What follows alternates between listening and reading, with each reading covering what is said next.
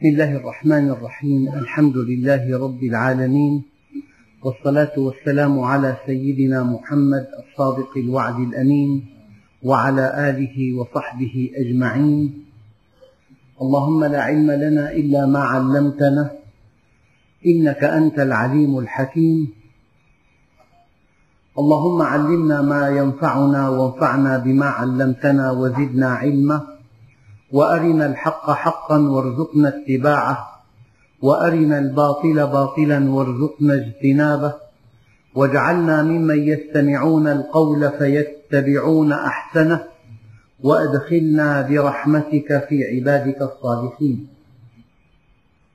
أيها الإخوة المؤمنون مع الدرس الثالث من دروس سورة المائدة ومع قوله تعالى وتعاونوا على البر والتقوى ولا تعاونوا على الإثم والعدوان. أيها الإخوة بادئ ذي بدء.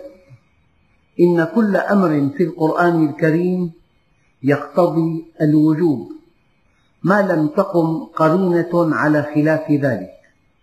أي أمر يقتضي الوجوب وأي نهي يقتضي الترك. إلا إذا كان أمر تهديد كقوله تعالى من شاء فليؤمن ومن شاء فليكفر فليكفر لام الأمر. هذا أمر تهديد. أو إذا كان أمر إباحة وكلوا واشربوا حتى يتبين لكم الخيط الأبيض من الخيط الأسود من الفجر. أو إذا كان أمر ندب وأنكحوا الأيام منكم والصالحين من عبادكم وإمائكم. أما إن لم يكن هناك ندب ولا إباحة ولا تهديد فالأمر يقتضي الوجوب. وكيف أن الله أمرك أن تصلي؟ والصلاة فرض لأن الله أمرك أن تصلي في قوله تعالى وأقم الصلاة. كذلك الأمر بالتعاون فرض. أمر يقتضي الوجوب. وتعلمون أيها الإخوة أن في الإنسان طبعا ومعه تكليف. وبديهي أن الطبع يتناقض مع التكليف. فإذا أمرك الله أن تصلي الصلوات الخمس وأول هذه الصلوات صلاة الفجر ينبغي أن تستيقظ. وجسمك يطلب أن تبقى نائما. فهناك تناقض بين الرغبة في النوم والاستيقاظ لصلاة الفجر.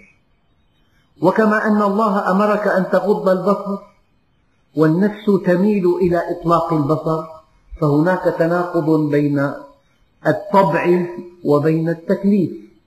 وهذا التناقض بين الطبع والتكليف هو ثمن الجنة. وكيف أن الله أمرك أن تنفق المال؟ والطبع يقتضي أن تأخذه وهذا التناقض بين الطبع وبين التكليف هو ثمن الجنة. وكيف أن الله أمرك أن تتعاون؟ والطبع يقتضي الفردية. أن تؤكد فرديتك أن تؤكد ذاتك أن تعيش وحدك ويموت الناس. فالإنسان مكلف أن يتعاون وطبعه فردي. لذلك بقدر طاعتك لله تتعاون. وبقدر معصيتك له تكون فرديا. والمجتمعات الجاهلية مجتمعات فردية. الأنا مسيطرة. والمجتمعات الإسلامية مجتمعات تعاونية. مصلحة المجموع تغلب فردية الفرد. أول شيء أيها الإخوة أن فعل تعاونوا أمر وهذا أمر يقتضي الوجوب وأن التعاون تكليف ويناقضه الطبع الفردي. فأنت حينما تقوم لتصلي وجسمك يميل إلى الراحة حينما تغض البصر وأنت تميل إلى إطلاق البصر حينما تغالب النوم وتستيقظ لتصلي هذا الذي هو عند الله ثمن الجنة. قال تعالى وتعاونوا أما كلمة تعاونوا فعل أمر من عاون. عاون على وزن فاعل صيغة مشاركة. وفي اللغة العربية صيغ المشاركة من أبرزها وزن فاعل. كقاوم وقاتل ودافع. يعني الفاعل يكون تارة فاعل وتارة مفعول به. لماذا الأمر بالتعاون؟ لما لم يقل أعينوا. أعينوا الفعل من طرف واحد. لكن شاءت حكمة الله أن تتقن شيئا في حياتك. وقد تتقن شيئين أو ثلاثة لكن هذا الشيء الذي تتقنه محدود. وأنت بحاجة إلى مليون خبرة. تتقن واحدة. أوضح مثل هذا الرغيف الذي تأكله صباحا. اشتريته من البقال. البقال جاء به من الفرن. الفرن في الليل عجن الطحين وخمر العجين ورق الأرغفة ووضعها في الفرن. هذا الطحين جيء من المطحنة. المطحنة أخذت القمش. وغسلته وهيأته وطحنته. والمطحنة جاءت في القمح من الفلاحين الذين زرعوه. لو عددت الذين ساهموا في هذا الرغيف الذي تأكله صباحا. وفي طبق الطعام هذه المداجن الكثيرة التي تأتي بالفراخ وتربيها وتعتني بها تدفئها تطعمها تعالجها من أمراضها. أنت بحاجة إلى مليون خبرة وحاجة. تتقن حاجة واحدة. من أجل أن ترتدي ثيابا هناك معامل للقماش. هناك معامل أصبغة لصبغ القماش. هناك معامل لغزل الخيطان هناك من يحصد القطن. ثوب تلبسه يدخل فيه آلاف الأشخاص من أجل أن تعالج ابنك عند الطبيب هذا الطبيب درس 30 سنة. علم التشريح وعلم الفيزيولوجيا وعلم الأمراض وعلم الأدوية ثم التدريب العملي ثم جاب دبلوم ثم ماجستير ثم دكتوراه ثم بورد. درس 30 35 سنة حتى يستطيع يقول لك أعطي ابنك هذا الدواء. فالطبيب أتقن شيء. ومعلم ابنك في الرياضيات درس سنوات طويلة حتى أتقن الرياضيات وعلمه المعادلات والجبر والهندسة وما إلى ذلك. وأستاذ الجغرافيا وأستاذ التاريخ وأستاذ الفلسفة وأستاذ اللغة العربية. ثم الكليات المتنوعة في الجامعة. ثم من أجل أن تنتقل تحتاج إلى مركبة وهذا المعمل للمركبات عمره مئة عام كل سنة في تحسين. فشبكة علاقات العقل لا يصدقها ستة آلاف مليون إنسان كل إنسان يتقن شيء ويسهم بشكل أو بآخر في تقديم هذه الحاجة. أنت حينما تشرب كأس من الشاي هل تدري أنه لولا أن البحار تدفع الأجسام إلى الأعلى لما كان هناك سفن ولا كان هناك ملاحة في البحر بواخر تحمل آلاف الأطنان من الشاي تنقله من الهند إلى الشرق الأوسط هذه البواخر الضخمة العملاقة بعضها يحمل مليون طن كيف صنعت؟ من صممها؟ كيف وقودها؟ كيف خطط لها؟ أنت فكر بكل شيء تستخدمه. أحيانا ترتدي قميص. هذا الزر الذي خيط معه معامل أنشأته. هذا المقص الذي تقلم به أظافرك معامل صنعته. هذه الشفرة التي تستخدمها أحيانا. هذه الفرشاة التي تصنعها معامل يعني أنت أمام مليون مليون مليون حاجة وسمح الله لك أن تتقن حاجة أو أكثر. فأنت مقهور أن تكون مع أخيك. ابنك يحتاج إلى مدرسة. وانتقاله يحتاج إلى مركبة. والمدرسة تحتاج إلى من ينظف هذه المدرسة وإلى من يعلم وإلى من يدير المدرسة وإلى من يراقب. ويحتاج الطفل إلى شيء يأكله في النهار. إذا هناك من يبيعه الطعام. يحتاج إلى شيء يعينه على استذكار الدروس. يحتاج إلى آلة حاسبة فرضا أو إلى أجهزة كثيرة. إذا حينما قال الله عز وجل وتعاونوا وتعاونوا يعني التعاون قدر أولا. شئت أم أبيت إن لم تتعاون لا تعيش في الحياة. لكن شاءت حكمة الله أن يكون هذا القهر في الاجتماع طريقا إلى الجنة. شاءت حكمة الله أن يكون هذا القهر في الاجتماع طريقا إلى الجنة. أنت من خلال وجودك مع البشر يمكن أن تكون صادقا كما يمكن أن تكون كاذبا. يمكن أن تكون مخلصا كما يمكن أن تكون خائنا. يمكن أن تكون متقنا ويمكن أن تكون غير متقن. يمكن أن تفي بوعدك أو لا تفي. يمكن أن تنجز عهدك أو أن لا تنجزه. فأنت مقهور في وجودك مع البشر. ولا يستطيع واحد في الأرض أن يعيش وحده. لذلك في بالإسلام عبادات جماعية. أنت حينما تصلي في المسجد صلاة الجماعة تفوق صلاة الفرد بسبع وعشرين ضعفا. والحج جماعي والصيام جماعي والصلاة جماعية. وأحاديث كثيرة جدا تأمرك أن تكون مع المجموع. عليكم بالجماعة وإياكم والفرقة. فإن الشيطان مع الواحد وهو من الاثنين أبعد وإنما يأكل الذئب من الغنم القاصية. أمرك أن تتعاون والتعاون فعل مشاركة يعني تعينه ويعينك.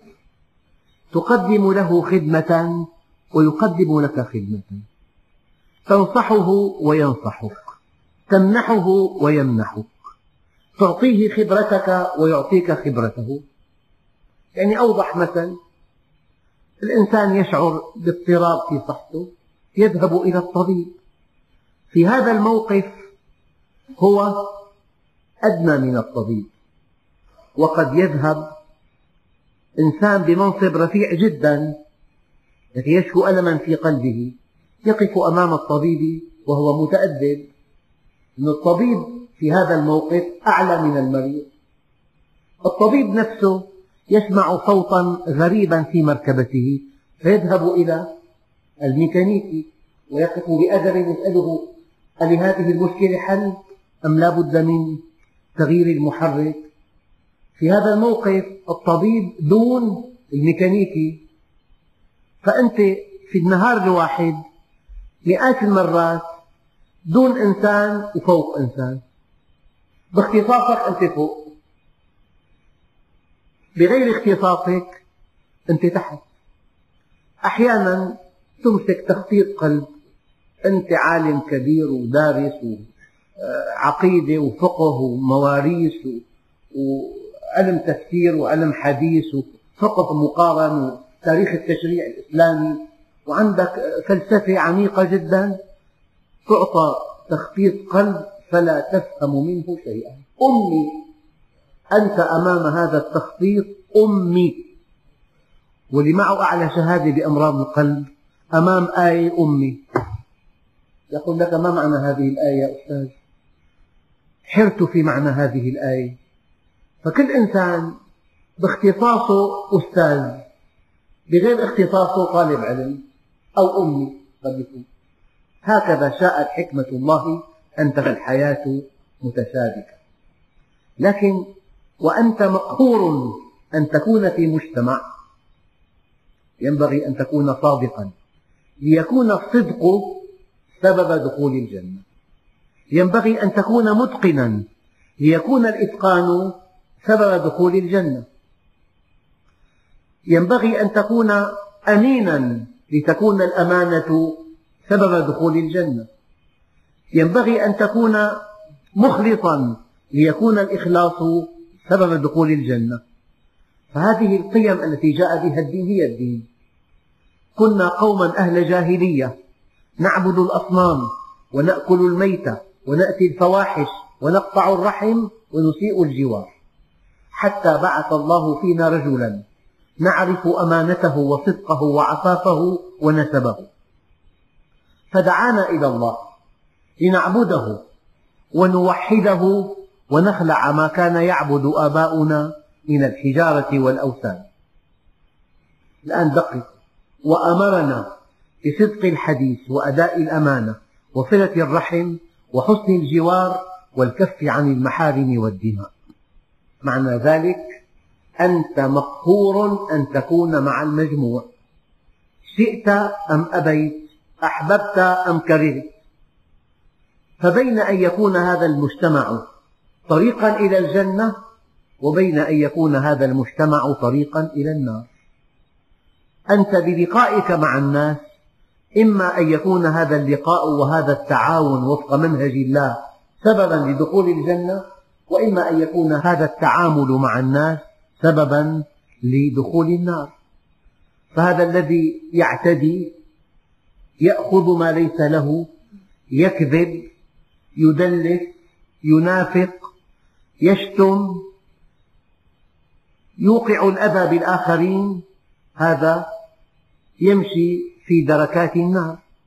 وهذا الذي يصدق ويؤتمن ويحسن وينصح هذا في طريق الجنة.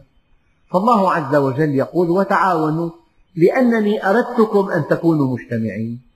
أردتكم أن تكونوا مجتمعين. الشيء الدقيق أيها الإخوة أن هذا التعاون ليس بين المؤمنين فقط. المطلق في القرآن على إطلاقه. ممكن تتعاون مع أي إنسان. فالتعاون شيء والود شيء آخر. ودك محبتك للمؤمنين. لكن تعاونك مع كل الخلق. فما استقاموا لكم فاستقيموا لكم. لا ينهاكم الله عن الذين لم يقاتلوكم في الدين. أن تبروهم وتقسطوا إليهم. فأنت مكلف بالتعاون مع كل الناس وعلاقات العمل لا شائبة فيها. ما دام العمل منضبط بالمنهج الإلهي وما في مخالفة شرعية لك أن تتعامل مع أي إنسان. مع المسلمين ومع غير المسلمين. بل إنك إن تعاملت مع غير المسلمين. ولم تكن عادلا معهم وقعت في إثم كبير. لأن الله عز وجل يقول ولا يجرمنكم شنآن قوم على ألا تعدلوا. اعدلوا مع من؟ مع من تكرهونهم. ولا يحملنكم بغض قوم على ألا تعدلوا. العدل فوق الجميع. يجب أن تعامل كل الناس بالعدل. يا أمير المؤمنين قاتل أخي سيدنا عمر. سيدنا عمر له أخ قتله إنسان في الجاهلية. ثم أسلم خلاص طيب. قال له أتحبني؟ قال له والله لا أحبك. ما في مجاملات؟ قال له هل يمنعك بغضك لي من أن تعطيني حقي؟ قال لا والله. لا يمكن أن أمنعك حقك فالمسلم منفتح. المسلم متعاون مع كل الناس. هذا أمر موجه لكل البشر.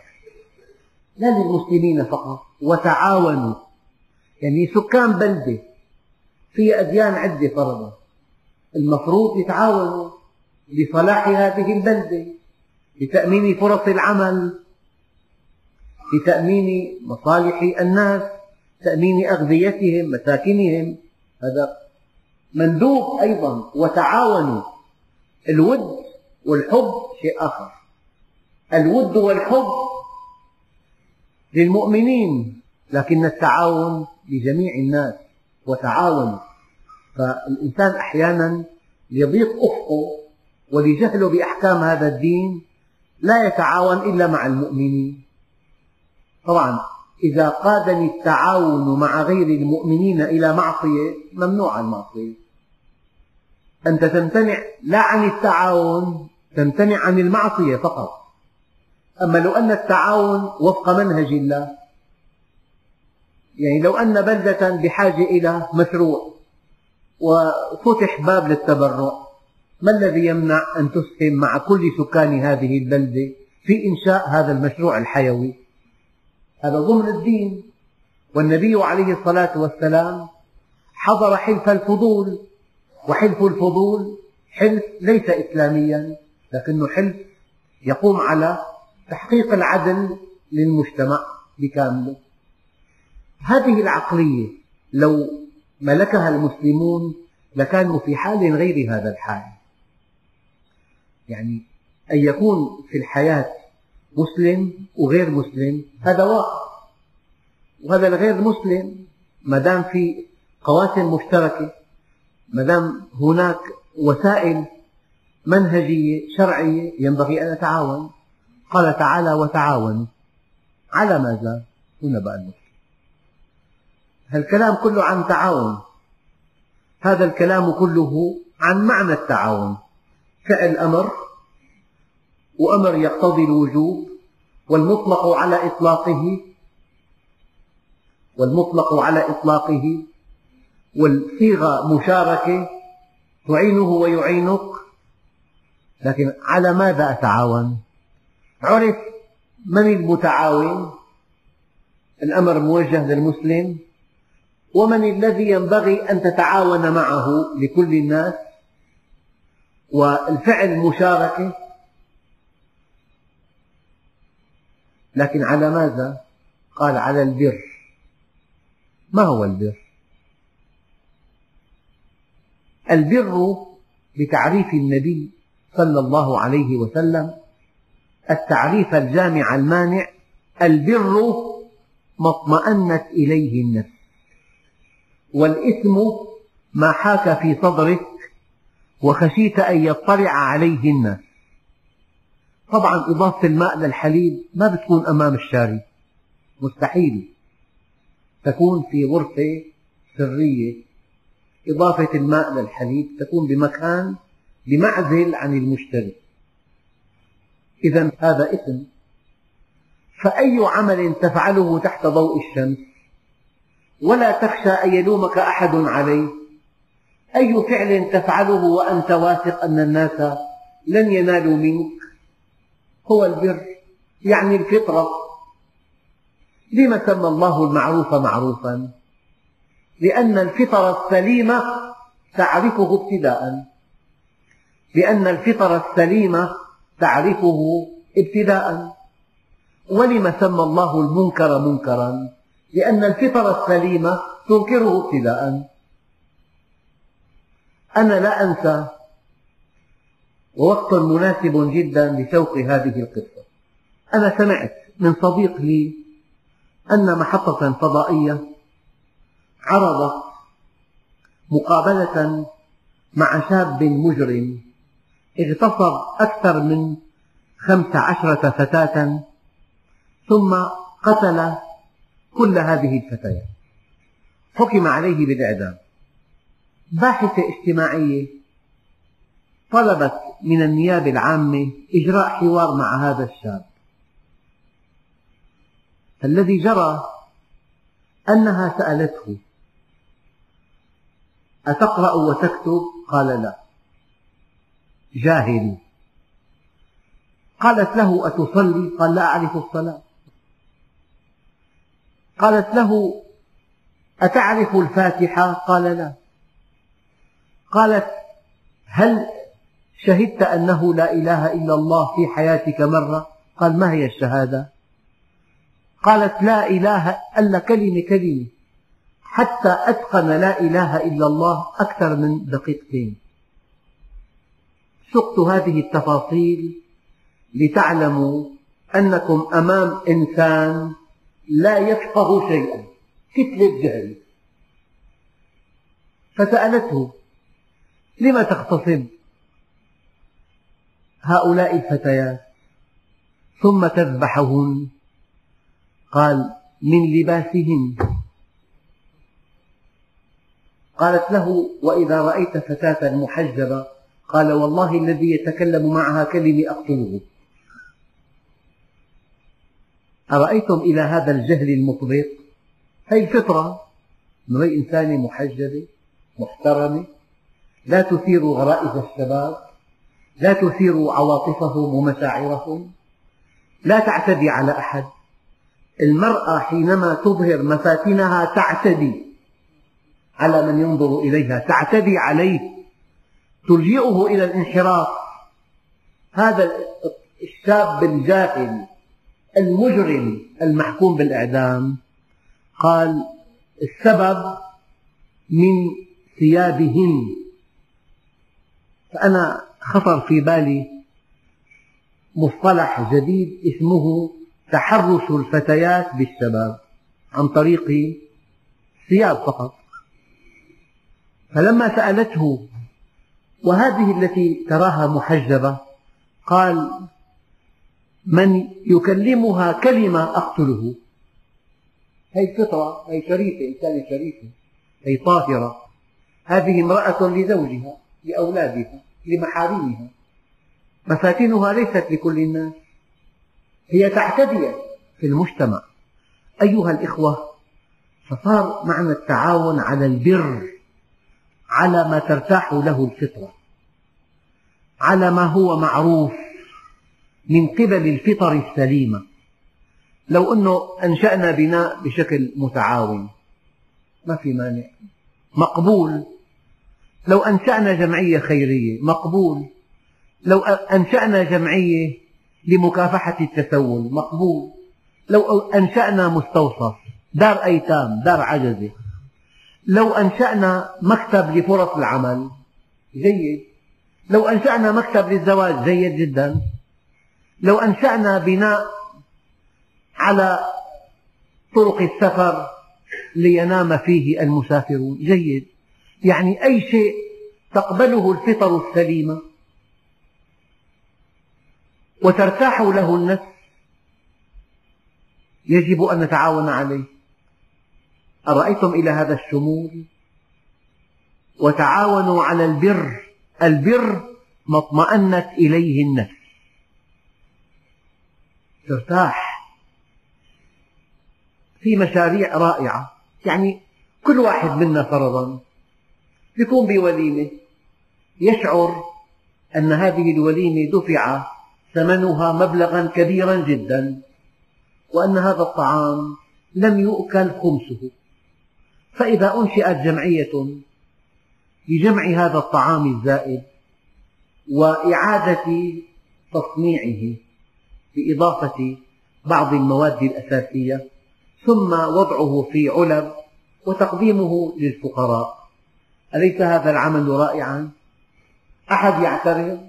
أبدا وتعاونوا على البر والتقوى أيها الإخوة البر الأعمال التي ترضاها الفطر السليمة وتعرفها ابتداء من دون تعليم يعني ألف عمل يقوم به إنسان ولا يتكلم أحد كلمة من مئة مليون. عمل طيب. لو أننا أنشأنا مستشفى وجئنا بأطباء متخصصين لمعالجة الأمراض جيد.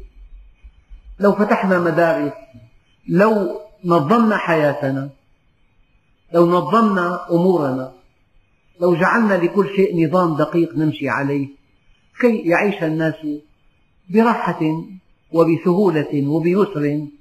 هذا هو المطلوب. وتعاونوا على البر. لكن الدنيا محدودة.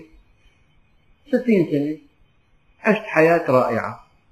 بعدين في أبد قال لك والتقوى. تقوى طاعة الله عز وجل. لازم تبذل جهد كبير جدا فضلا عن صلاح الدنيا لصلاح الآخرة. أن تطلب العلم أن تعلم العلم. أن تأمر بالمعروف أن تنهى عن المنكر أن تقوي ارتباط الإنسان بالله عز وجل أن تشد همته إلى الله عز وجل. هذا مطلوب. فكل إنسان يتعلم القرآن ويعلمه يتعلم الفقه ويعلمه يتعلم الحديث ويعلمه يكون قدوة لغيره. يدعوك إلى الله عز وجل إلى معرفته إلى طلب العلم. هذا أيضا مشمول بهذا الأمر وتعاونوا على البر يعني على صلاح الدنيا والتقوى صلاح الآخرة. يعني لعل الأجانب اقتصروا على صلاح الدنيا فقط. مجتمعات فيها تعاون كبير جدا والتعاون عندهم يربون أبناءهم عليه في سن مبكرة جدا. حتى إنهم إذا أرادوا موظفا من الشروط التي تلفت النظر أن يصلح للعمل ضمن فريق يتعاون والبلاد المتخلفة وهذا شيء مؤلم جدا فضلا عن أنها متخلفة أفرادها لا يتعاونون يحطمون بعضهم بعضا. فالتعاون رقي والتعاون دين. والتعاون خلق والتعاون حضارة والتعاون قوة. ألا ترى إلى المسلمين ماذا حل بهم من فرقتهم ومن عدم تعاونهم ومن أن بأسهم بينهم ومن أن كل واحد منهم يريد أن يعلو على الآخرين. أرأيت إلى هذه النتائج التي لا ترضي صديقا ولا عدوا؟ قال تعالى وتعاونوا وفي آية أخرى ولا تنازعوا فتفشلوا وتذهب ريحكم تضعفوا. وتعاونوا على البر والتقوى. لكن الشياطين يتعاونون على الإثم والعدوان. يتعاونون على إفساد البشرية. سبعمائة مليون امرأة وطفل يعملون في الدعارة. سبعمائة مليون العالم. يعملون في الدعارة. وقد غرر بهم. هؤلاء يتعاونون على جلب أموال خيالية. وأول تجارة في العالم تجارة المخدرات. أربح تجارة. تحتاج إلى تعاون. إلى مراقبة الطريق. وإلى إخفاء المهربات بشكل ذكي جدا. وتعاونوا على البر والتقوى. ولا تعاونوا على الإثم والعدوان. يعني واحد خرج إلى المطار ليسافر ورجله مكسورة وهي مجبرة. وجاء من يتصل أن هذا المسافر على الطائرة الفلانية بالرحلة الفلانية مهرب مخدرات فانتبهوا أوقفوه كسروا الجبصين ما في شيء. فتشوا ما في شيء أبدا. اعتذروا منه راح للرحلة الثانية. بالرحلة الثانية حط المخدرات.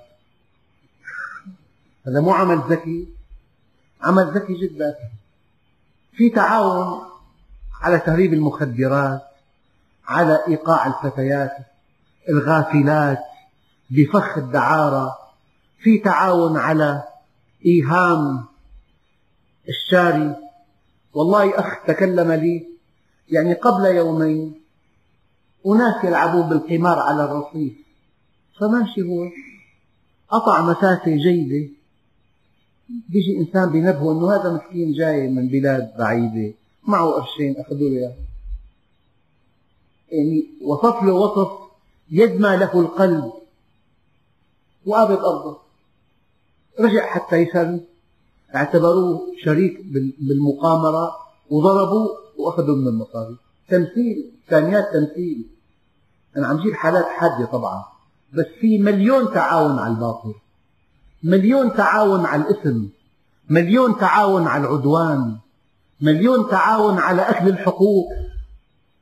مليون تعاون على تحقيق ربح غير شرعي.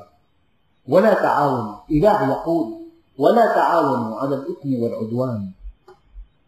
الإثم أن تنقطع عن الله عز وجل. لك أنا ما بأذي أحد؟ كلام طيب. إيماني بقلبي أستاذ. ما بأذي حدا أبدا. وفعلا لطيف ناعم. إذا خلا ارتكب كل المحرمات فيما بينه وبين نفسه. مثلا هذا اسم يعني هذا الأمر قطعك عن الله عز وجل. قطعك عن الذي خلقك. قطعك عن سبب التوفيق. ففي أيام إنسان ما بيأذي أحد ما بيعتدي لكن هو يقع في الإثم. أحيانا مهمتك الوحيدة أنه تصلح أجهزة تجيبها المحطات البعيدة. طيب، لك 450 محطة فيه. هي شغلتي مربحة هلا كثير. ماشي. ماذا تفعل أنت في المجتمع؟ عم تهيئ للناس في سهراتهم الحمراء أن تأتيهم بأبعد المحطات ليغرقوا في الإثم. أليس كذلك؟ فإن روح القدس نفثت في روعي أن نفسا لن تموت حتى تستوفي رزقها فاتقوا الله عباد الله وأجملوا في الطلب واستجملوا مهنكم نبيع مثلا طاولة ذهب. مربحة بالمية مية. أستاذ أنت بس عم عم تعين الناس على هدر أوقاتهم وإيقاع العداوة بينهم. ومن لعب النرد فكأنما غمس يده في دم خنزير ولحمه. فتبيع شيء محرم تصلح شيء محرم التاجر بشيء محرم. تبيع شيء أنت لا, لا تقبله. دار نشر في كتب فيها ضلالات. واحد قال كلمة هي تبدو مستهجنة جدا. لأن تبيع الخمر أهون من أن تبيع كتابا فيه ضلالات. شارب الخمر يتوب. لكن هذا الذي اعتقد خطأ وسار على خطأ طوال حياته هذا لا يتوب. أنت أنا عم بيع كتاب ما لي علاقة لا لك علاقة. تبيع كتاب فيه ضلالات تبيع كتاب فيه شبهات تبيع كتاب يدعو إلى معصية. تبيع كتاب يحلل الربا فرضا تبيع كتاب يظهر الدين على أنه سلوك غيبي متخلف لا يتناسب مع العصر تحت اسم مكتبة ما بصير ولا تعاونوا على الإثم والعدوان أحيانا تجمع بعملك شابات وشباب هل تدري ماذا يحصل بينهم؟ هل تدري ماذا يحصل بينهم من مخالفات شرعية؟ القضية لا ترونها تضييقا لا والله ولكن سلامة أيها الأخوة. إذا كان عملك ممكن ينتج عنه معصية قد تقول أنا مطعم. أحل عمل المطعم. في زوايا هيك إضاءة خافتة. من يأتي إلى هذا المكان؟ يأتي إلى هذا المكان من عنده شبهة عنده مشكلة. فأنت ما تكون سبب. سبب لمعصية لمخالفة شرعية لإثم لعدوان ولا تعاونوا على الإثم والعدوان. واتقوا الله. يعني اتقي أن تعصي الله. إن الله شديد العقاب. يعني أنا أستميحكم عذرا. ذكرت بعض المهن. لا على سبيل أنني يعني أعد هذه المهنة محرمة لا. لكن أية مهنة؟ أية حرفة إذا لبسها حرام. فالحرام هو الحرام لا الحرفة أن تبيع طعام هذا عمل حلال مئة بالمئة. لكن إذا رافق بيع الطعام علاقات لا ترضي الله عز وجل. فالذي جمع هؤلاء في مكان في عليه مسؤولية. أي عمل ينشأ عنه معصية أو بعد عن الله أو مخالفة هذا العمل له حساب عند الله عز وجل. وتعاونوا على البر والتقوى ولا تعاونوا على الإثم والعدوان.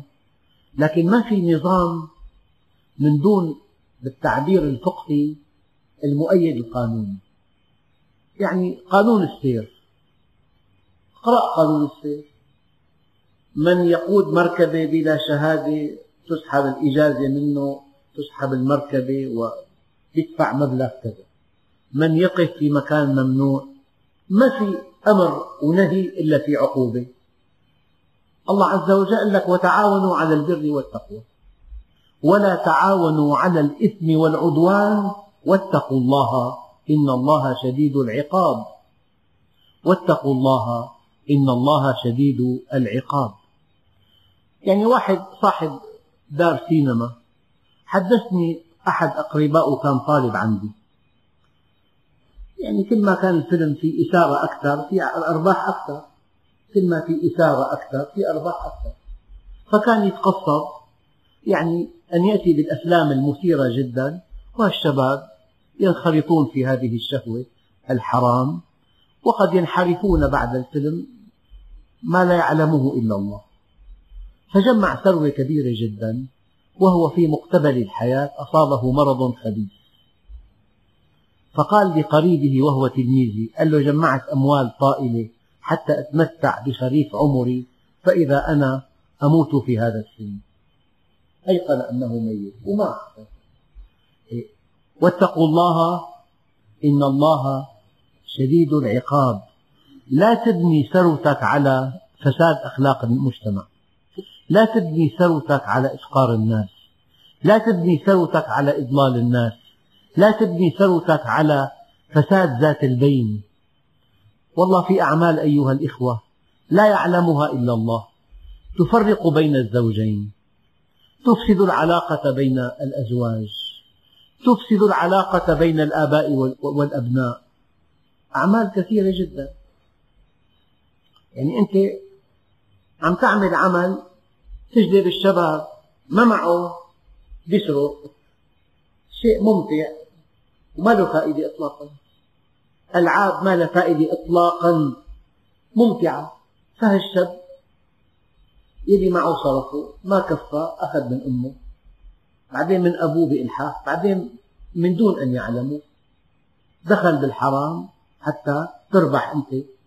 وعمل غير مجدي.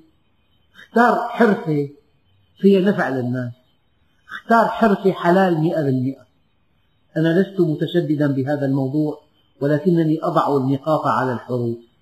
حرف لا تعد ولا تحصى. الآن أكثرها يبنى الربح فيها على فساد الأخلاق أو على فساد العلاقات أو على ضياع الشباب وانحرافهم. أيها الإخوة أتمنى على الله عز وجل أن تنقلب هذه الآية إلى سلوك يومي. وتعاونوا على البر والتقوى ولا تعاونوا على الإثم والعدوان. والمؤيد القانوني واتقوا الله إن الله شديد العقاب. يعني قصص كثيرة جدا.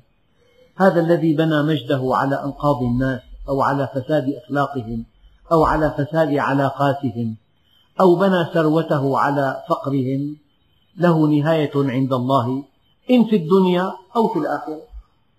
ليس شرطا في الدنيا لأن الله يعاقب بعض المسيئين ردعا لبقية المسيئين ويكافئ بعض المحسنين تشجيعا لبقية المحسنين والحمد لله رب العالمين.